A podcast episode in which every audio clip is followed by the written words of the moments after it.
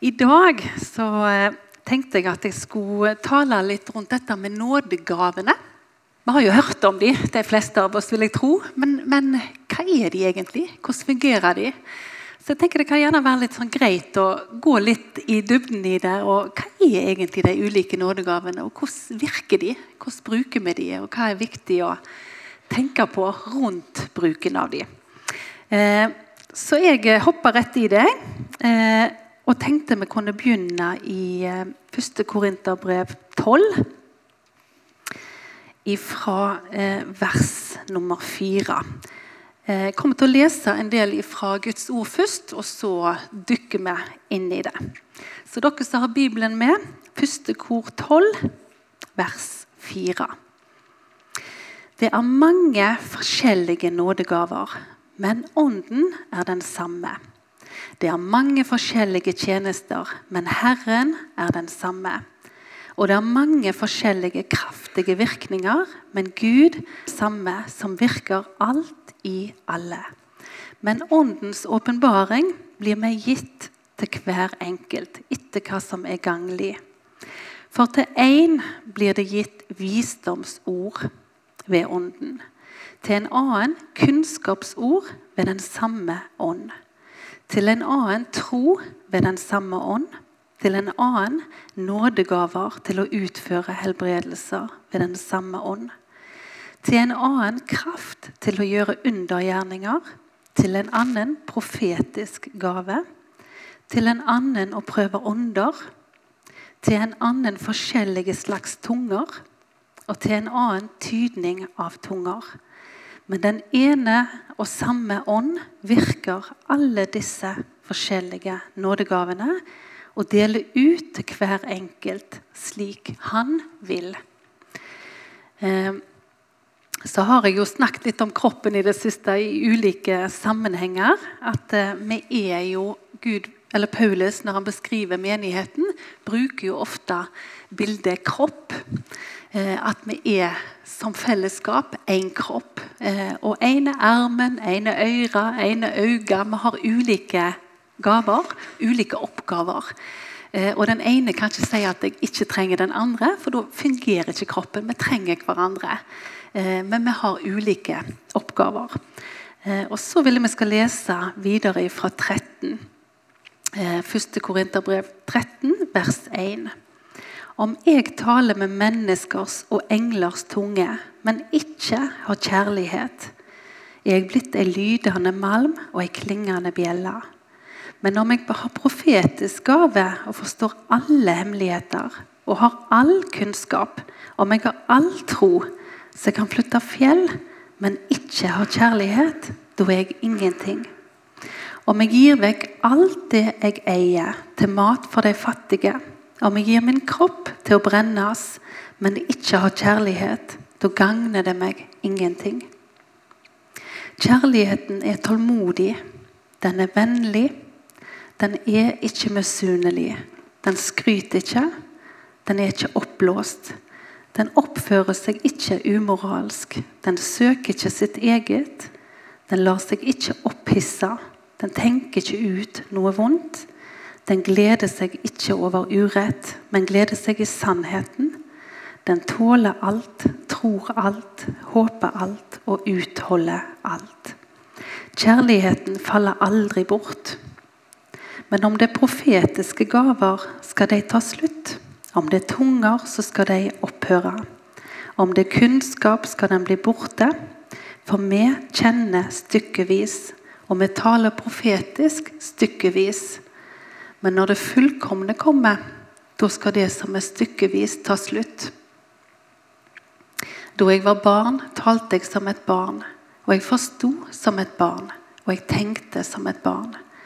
Men da jeg ble mann, la jeg av det barnslige. For nå ser vi i et speil, i en gåte, men da skal vi se ansikt til ansikt.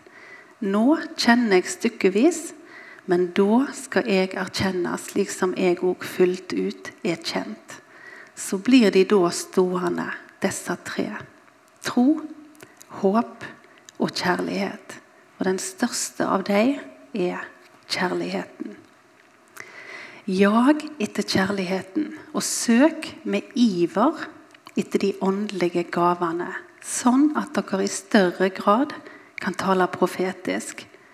For den som taler i ei tunge, taler ikke for mennesker, men for Gud. For ingen forstår han. Men han taler hemmeligheter i ånden. Men den som taler profetisk, taler for mennesker til oppbyggelse, formaning og trøst. Den som taler i ei tunge, oppbygger seg sjøl. Men den som taler profetisk, oppbygger hele menigheten. Jeg skulle ønske at dere alle talte i tunger, men enda mer at dere talte profetisk. For den som taler profetisk, er større enn den som taler i tunger, hvis han da ikke tyder det, så hele menigheten kan få oppbyggelse. tenker vi stopper der. Men det er litt viktig å lese Guds ord og ha det som et grunnlag. Hva sier egentlig ordet om det? For vi kan mene mye. Eh, om både det ene og det andre. Men det er Guds ord som skal være fundamentet vårt i alle ting. Og så har vi ulike åpenbaring. Vi ser stykkevis hele gjengen. Eh, og jeg skal prøve etter beste evne å legge fram det sånn som jeg eh, har fått en åpenbaring om det. Gud har altså gjort seg avhengig av sin kropp, som er oss, som er egentlig alle de kristne på denne jord. Hele, holdt jeg på å si, gjennom alle verdensdeler så er vi en felles kropp.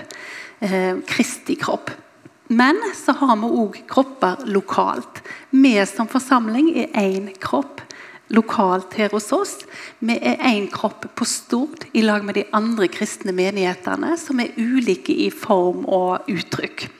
Eh, og Gud har valgt å gjøre seg avhengig av sin kropp for å vise den han er, ut til folket som bor her, som vi er satt. Eh, Jesus han møtte alltid mennesker med godhet. Vi ser at han, Når han gikk rundt på denne jorda, så helbredet han mange. Før de egentlig åpna hjertet og ble kjent med han og tok imot han og det han hadde å gi. Så han møtte de alltid med godhet. Eh, og det tenker jeg at han ønsker for oss òg. At ikke vi kommer med liksom klakker folk i hodet vi alltid skal oppnå. Men at vi får vise Guds godhet gjennom oss som er troende. Det er først og fremst det vi er kalt til. Vi har fått noe som vi kaller for forsoningens tjeneste. Gud ønsker å bli forsont med de som ennå ikke kjenner han. Og de er det mange av. Så trenger han, og så trenger et møte med han. Og da trenger de først og fremst å møte han så han kan få røre med hjertet deres. Med Guds godhet. Eh, og så har han gitt oss et kall og en utvelgelse. Alle vi som sitter her og som har tatt imot Jesus, er blitt utvalgt. Vi kan gjerne tenke at det var vi som valgte han, men det står det at ingen kan komme til Faderen uten at Gud har kalt han eller dratt på hjertet hans. Så hvis du er her og er en troende i dag, så er det Gud som har kalt deg, han har utvalgt deg, og du gav et gjensvar. Men det er han som har kalt deg og utvalgt deg. Og det står òg at Gud angrer ikke sitt kall og sin utvelgelse. Vi kan ha gjort ting som gjør at vi kanskje kan være i tvil på er jeg fortsatt inne i varmen hos Gud. Men Gud angrer ikke sitt kall og sin utvelgelse. Han står der stadig med de åpne armene og skuer etter oss. Vi har jo hørt historien om den bortkomne sønnen alle. Og sånn er Gud, selv om vi mange ganger kan tenke annerledes om han. Eh, og Når det gjelder gaver òg, så kan vi ha ulike eh, sesonger i livet. Hvor vi har brukt gavene våre, og så kan det ha kommet inn ting som gjør at vi har trukket oss litt igjen. Men Gud angrer ikke nådegavene. Har Han gitt deg en nådegave, så er det noe som står fast. Den er gitt deg. Uavhengig av din oppførsel. Og så visste jo Gud hvem vi er. Han vet at vi er fulle av sår, vi har mangler, vi har ulik forståelse om hvem Gud er. Et ulikt gudsbilde i forhold til om vi gjerne helt på den ene ytterkanten hvor vi tenker at Gud bare er en streng dommer som er ute etter oss. Eller vi er helt på den andre kanten at å, alt er lovt og alt er sant. Vi har ulikt gudsbilde. Og mange ganger så blir jo kanskje gudsbildet litt farga av det farsbildet vi har. Men Gud vil at vi skal se på Gud som far, den relasjonen han hadde til Jesus. Hvis vi ser på den farsrelasjonen, så får vi det sanne bildet av hva type far Gud er. Så han visste at noen av oss ville grave talentene våre ned i jorda fordi vi hadde frykt for Gud og vil helst ikke bruke noen ting. og vi la det ligge der, så gjør jeg iallfall ikke noe feil. og så har du den andre sida hvor alt for det, Gud, og så durer vi på, og så har vi gjerne ikke helt verken eh, kunnskapen eller visdommen eller Ja. Så tenker vi mange ganger det er bedre å få tilgivelse enn tillatelse. Men alt dette visste Gud. Han visste ulikhetene våre. Allikevel er det oss han har utvalgt. Og han har satt oss sammen som et legeme, som en familie, som en kropp. Han bruker ulike bilder. Og jeg tenker jo litt det at han vil òg at vi skal smis litt mot hverandre. Han vet at våre personligheter vil krasje litt mot hverandre. Og det vil skape en vekst i oss eh, i forhold til hvordan vi møter det. Så det å på en måte gå i lag med andre, det kan mange ganger være en prøvelse. Enten det er en kollega, eller det er i ekteskapet, eller det er i den vanlige fysiske familien vår. Eh, men han har satt oss sammen òg for at vi skal smis faktisk mot hverandre og tåle hverandre. Utvikle eh, utholdenhet, tålmodighet, overbærenhet. Alle disse åndens frukt som vi leser om. Eh, for at det skal bli synlig i vårt liv. Og klart Når denne prosessen pågår, så kan vi kjenne på at det til tider kan være utfordrende. For vi møter på forskjellig i hverandre. Eh, og vi har så lett for å legge merke til denne bjelken da, vet du, i øynene til de andre. Og så glemmer vi Nei, denne flisa i øynene til de andre, og så glemmer vi litt kanskje bjelken i vårt eget. Det er litt enklere å se hva de andre burde forandre på. For jeg er jo selvsagt fullkommen. Det er lett å tenke litt sånn i møte med andre sine feil og mangler. Men jeg tror det er viktig med kjenner kjenne litt etter. Gud, du har vist meg en enorm nåde. Hjelp meg å vise den nåden overfor de andre. Så velsignelsen av å være et fellesskap det står i Guds ord at eh, sammen med de andre hellige så skal vi få oppleve høyden, bredden, dybden og lengden av Guds kjærlighet. Det er et løfte som kun ligger i lag med de andre. Så vet vi at mange trekker seg ut av fellesskapet fordi at de gjerne har blitt såra, vonde ting har skjedd. Det er vanskelig å gå i takt med de andre. Mange har sagt det. 'Å, Gud, jeg elsker deg.' Hadde det bare ikke vært for alle de kristne, så hadde dette gått helt topp. Men vi er satt i sammen, og vi har dette løftet at sammen med de andre hellige, så skal vi få oppleve høyden, dybden, lengden og bredden. Og jeg synes Malene en gang på bibelgruppa vår ga et veldig godt bilde. Det var noe egentlig tatt ut fra hennes studiesammenheng. da. Men jeg tror det var et eple de hadde fått som ble stående midt i rommet. Og så skulle de se på dette eplet og beskrive det fra sin synsvinkel. Og Da fikk de like mange forskjellige svar som de som var der. Fordi at Noen henger seg opp i detaljene, mens andre tegner bare litt sånn kraftig skisser. Altså, Vi ser det ulikt. Eh, og jeg tror òg måten vi opplever Gud, er ulik fra person til person. Så det å få den berikelsen at når du beskriver Gud, så har du et helt annet bilde enn det jeg har. Det blir en berikelse for meg. Det å dele med hverandre. Så jeg vil vi skal gå litt tilbake igjen til Bibelen. Eh, rett etter Jesus har foret opp. Eh, og så får disse her 120 da, beskjed om å sitte og vente på den øvre salen til den kraften som skal komme over de kommer. De vet ikke hva tid han kommer, de vet ikke hvordan han ser ut. Men de har fått beskjed om å vente der til kraften kommer over dem, og de blir i stand til å utføre det Jesus har kalt dem til. Da. Så der sitter de, da, vet du, denne gjengen. Da har du da Peter, som har eh, vært skikkelig frimodig når de gikk med Jesus og vært liksom den fremste i alt og litt sånn bresken. Der har han da nettopp gått på en smell og banna på at han ikke kjente Jesus tre ganger. Hva tenker meg han ikke var helt på høyden? Men han hadde jo møtt Jesus etterpå og fått tilgivelse og gjenopprettelse. Men der har du liksom hans utgangspunkt. Og så har du Judas, som hadde jo stjålet fra kassen og svikta Jesus på det groveste. Eh, du har alle disse ulike disiplene, folka som vandra tett på Jesus. Og de fleste svikta han jo når han ble ført til korset. Sånn at de hadde møtt på svakhetene i hverandres liv. De var blitt ganske synlige, og de hadde også fått sett på svakheten i eget liv.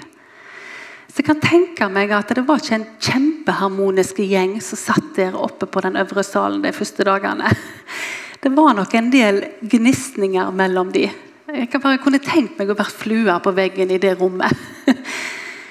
Men så står det så fint at når de var med ett og samme sinn, da falt Guds ånd på dem og satte seg på hovene deres som ildtunger. Og Peter, som hadde nekta på at han kjente Jesus for å redde sitt eget skinn, han var redde, som de fleste av oss helt sikkert òg ville vært. Han ble plutselig en frimodighet som var uten sidestykke, og sto der ute og talte liksom i, i full frimodighet. Og disiplene talte i nye tunger, sto det. Og folket rundt undra seg, for de hørte evangeliet forkynt på sitt språk. De var jo samla der fra masse ulike deler eh, av landet eh, og verden. Og de hørte evangeliet på sitt eget språk. Samtidig så hadde de en atferd som gjorde at folk trodde de var fulle. Så det var et eller annet som hadde skjedd med dem, som skapte en veldig uro i tilhørerskaren. Og det er første gangen vi ser den ene av nådegavene, som er tungetale. Jeg tenkte jeg hadde lyst til å dukke litt dypere i den i dag. For det er en av nådegavene. Eh, og tungetale Det fins tre ulike tunger. Vi har denne tungetalen som vi ser manifestert her når de kommer ned fra den øvre salen, hvor de taler i nye tunger. Men de som er der, de forstår det. Sånn at de taler på ulike, forskjellige språk. Men det er forståelig fra de som kommer fra eh, det landet da, som dette språket tilhører. Så det er én type tungetale som en kan få som en nådegave fra Gud. Men det er forståelig fra de menneskene som kommer fra dette landet. Jeg har selv opplevd det en gang jeg var på et møte og talte. Eh, og Etter møtet var ferdig, så var det en som reiste seg opp og talte for meg. Jeg trodde det var vanlig tungetale. Men etterpå så var det en eh, som var flyktning fra Syria, som reiste seg. Eh, og da viste det seg at dette hadde vært til han. Han talte på syrisk rett inn i denne mannen sitt liv. Eh, så det var utrolig sterkt å oppleve. Det første gangen jeg har sett det fysisk. Men det er altså én form eh, for tungetale. Eh, så har vi tunger som er til personlig oppbyggelse. Hvor du taler hemmeligheter med Gud. Dette er kanskje de tungene du bruker mest i eget bønneliv. Bare for deg sjøl når du gjerne er i situasjoner hvor du ikke vet hva du skal be. Det står at da kan vi merke at Ånden går i forbønn for oss med sukk som ikke kan rammes med ord. Eh, sånn at du merker at da er det på en måte Den hellige ånd i oss som går i forbønn. Enten for oss sjøl eller for andre i en situasjon hvor vi ikke vet rett og slett hva vi skal be ut. Eh, så den type tunger er til personlig oppbyggelse. Eh, jeg kan merke i mitt eget liv at når jeg bruker den type tunger, kanskje hvis jeg er litt nedfor, jeg har det gjerne litt tøft, eh, så kan jeg merke at når jeg bare går og ber for meg sjøl, at det skjer noe inni meg. Et skifte som gjør at jeg blir oppløfta. Og så løfter gjerne Gud fram ord fra Bibelen som jeg trenger å be ut. Eh, eller jeg kanskje blir minnet på noen som har det tøft og vanskelig.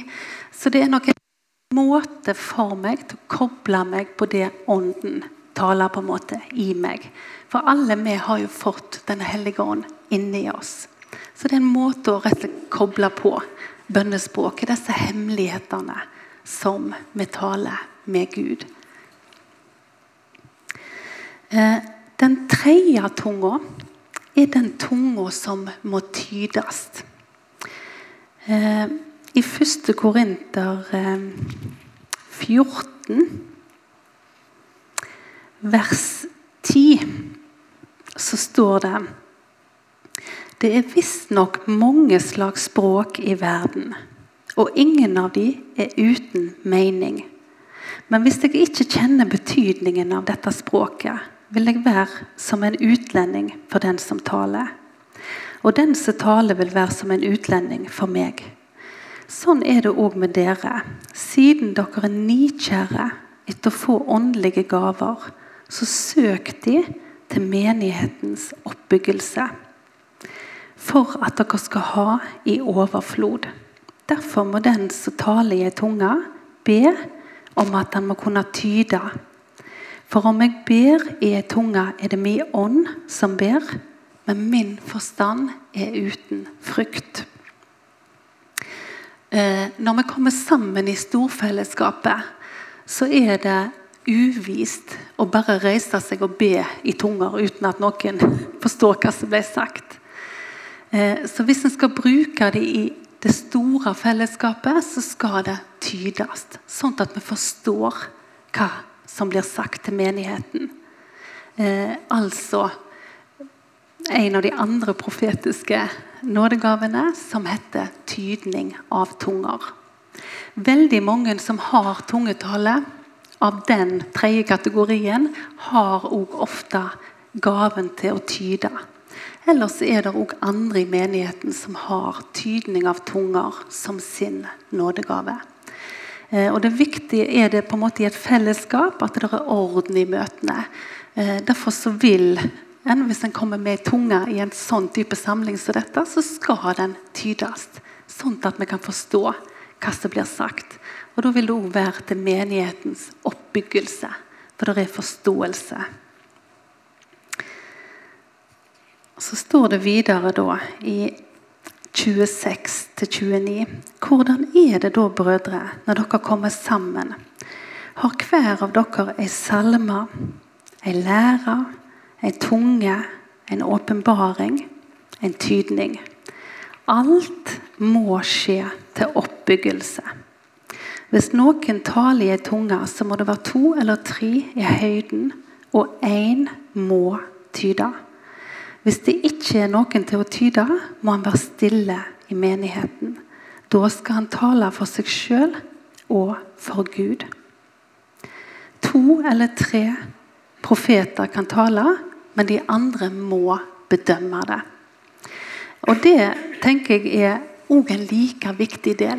Vi skal bedømme det som kommer fram. Vi vet at det er godt meint når noen stiller seg fram, men vi skal alltid bedømme det profetiske ordet. Stemmer dette med Guds ord først og fremst? Eller er det tatt ut av løse lufta?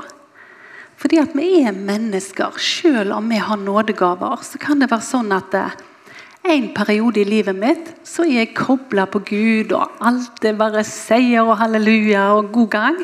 Og jeg kan oppleve Guds stemme, og jeg kan oppfatte ting korrekt. Men så kan jeg òg ha perioder i livet mitt hvor jeg gjerne ikke er så påkobla. Og da kan jeg ta ting av meg sjøl og legge fram og tenke at det er fra Gud. Fordi at vi er mennesker. Vi er ikke fullkomne. Vi har disse ulike både sår og mangler og ulike ting i livet vårt. Så det er kjempeviktig når vi mottar en profeti, enten i plenum sånn som dette, eller personlig, at vi må prøve det gir det gjenklang i mitt hjerte? Stemmer dette med Guds ord og det Han har talt i mitt liv? Det er kjempeviktig at vi gjør. Og så skal vi ikke leve på andre sin profeti over mitt liv. Men det kan være en oppmuntring til meg når jeg står i en eller annen spesiell situasjon. Og Da kan det være kjempefint å få en profetisk tiltale. Men det skal alltid gi et gjensvar, det skal stemme. Og vi skal få lov til å prøve det. Så er det veldig viktig at vi har rette motiv når vi bruker nådegavene. Motivet vårt må alltid være at Gud skal bli æra. At Jesus blir synlig igjennom vårt liv.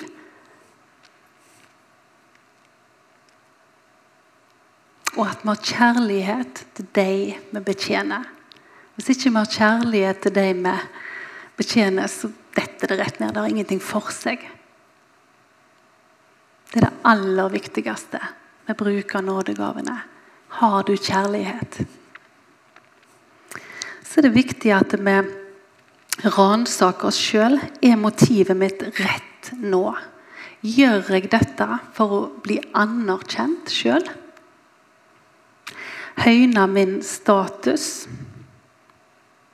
Verdien min? Gjør jeg det for å hevde meg?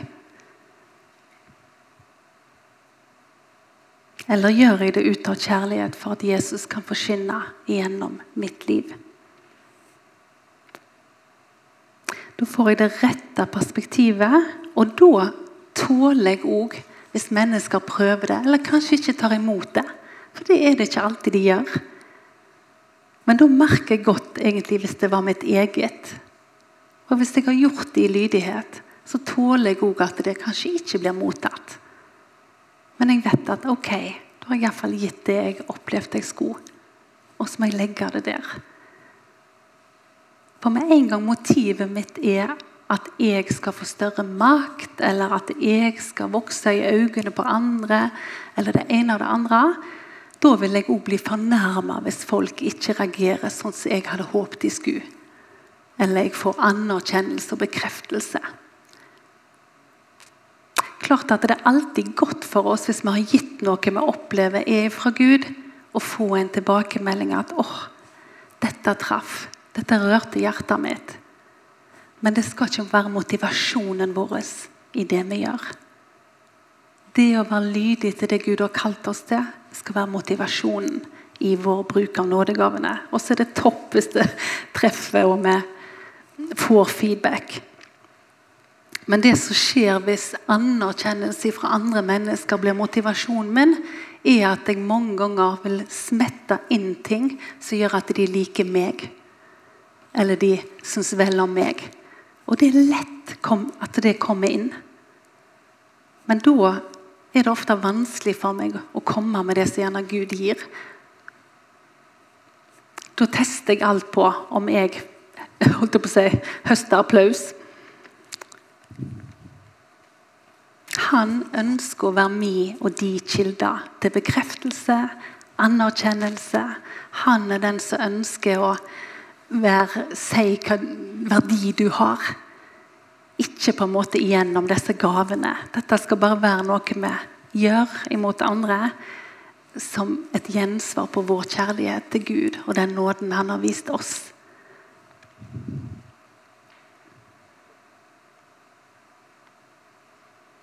Så kan vi oppleve at mennesker bruker nådegavene feil.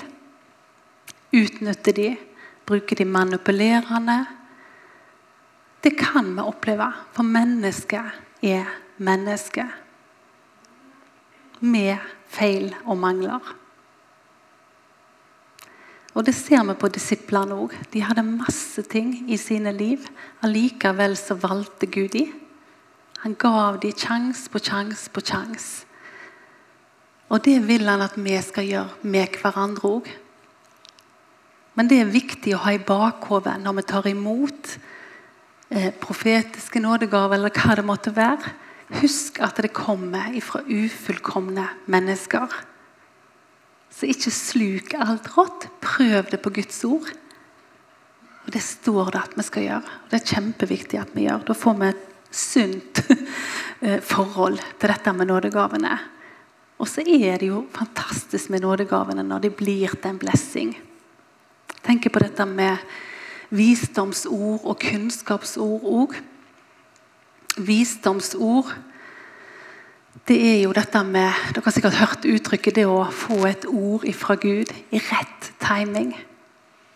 Et ord som bare løste på en måte problemet en sto i. Så Visdomsord det er ofte ord som gir oss retning, veien videre. Det dreier seg om framtida vår. Mens kunnskapsord det er ofte ord en, altså, eh, en kan få kunnskap om en person, ting du ikke kunne vite, som bare Gud vet.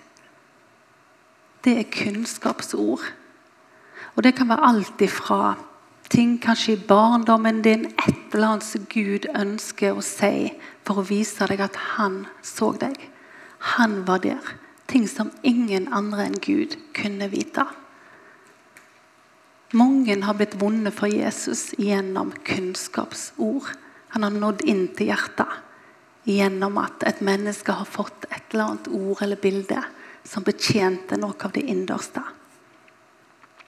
Kunnskapsord er òg f.eks. Eh, brukt mye i forbindelse med helbredelsesnådegaven. Eh, en kan få kunnskap av at folk har smerte på en spesiell plass og at Gud ønsker å lege. Så de òg er ofte brukt i lag.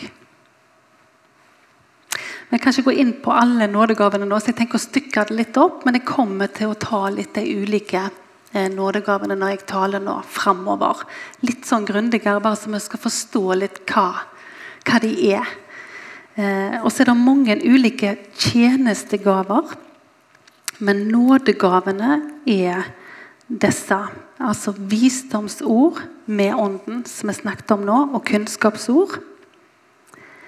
Tro er én nådegave, altså overnaturlig tro.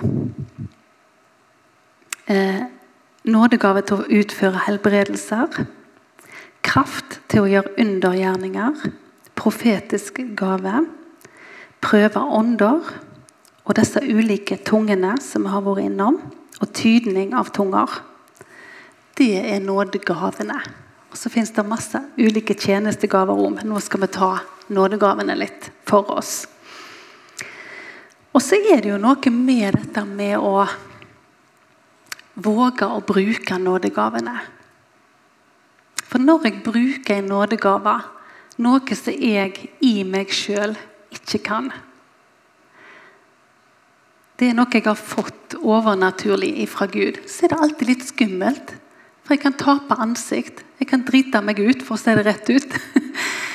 Eh, og Jeg synes jeg fikk et godt bilde på det eh, for et par år siden. Så var vi på Voss, i denne berømte vindtunnelen. Jeg vet ikke om dere har vært der.